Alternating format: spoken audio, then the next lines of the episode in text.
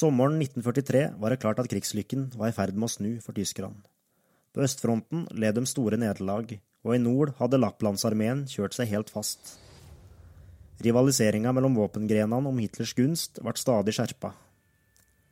Storadmiral Dönitz fikk gjennomslag for en satsing på marinen, slik at de allierte forsyningslinjene kunne rammes.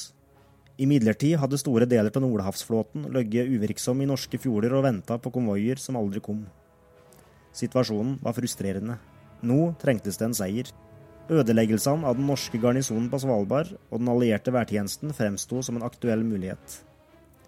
I begynnelsen av september 1943 ble beslutninga tatt om et kraftfullt og raskt angrep på Svalbard. Operasjon Citronella.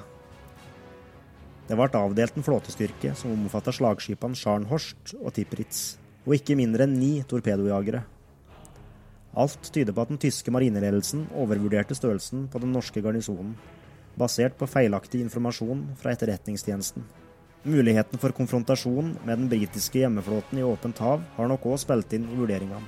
I hvert fall var en gedigen overmakt som møtte de norske styrkene ved Barentsburg og Longyearbyen om morgenen 8.9. De to bosetningene ble skutt i stykker av tungt artilleri, og landgangsstyrker ble satt inn for å fullføre jobben.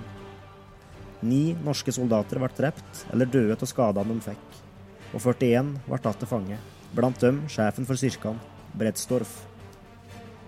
I slutten av måneden kom en alliert unnsetningsekspedisjon til Svalbard med friske mannskaper og utstyr.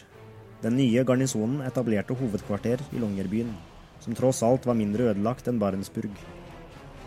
Garnisonen ble opprettholdt til krigens slutt med mellom 60 og 120 mann.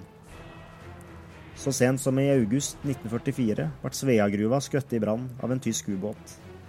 Men det kom ikke flere direkte sammenstøt med tyskerne. Svalbard gled atter en gang ut av krigsbildet.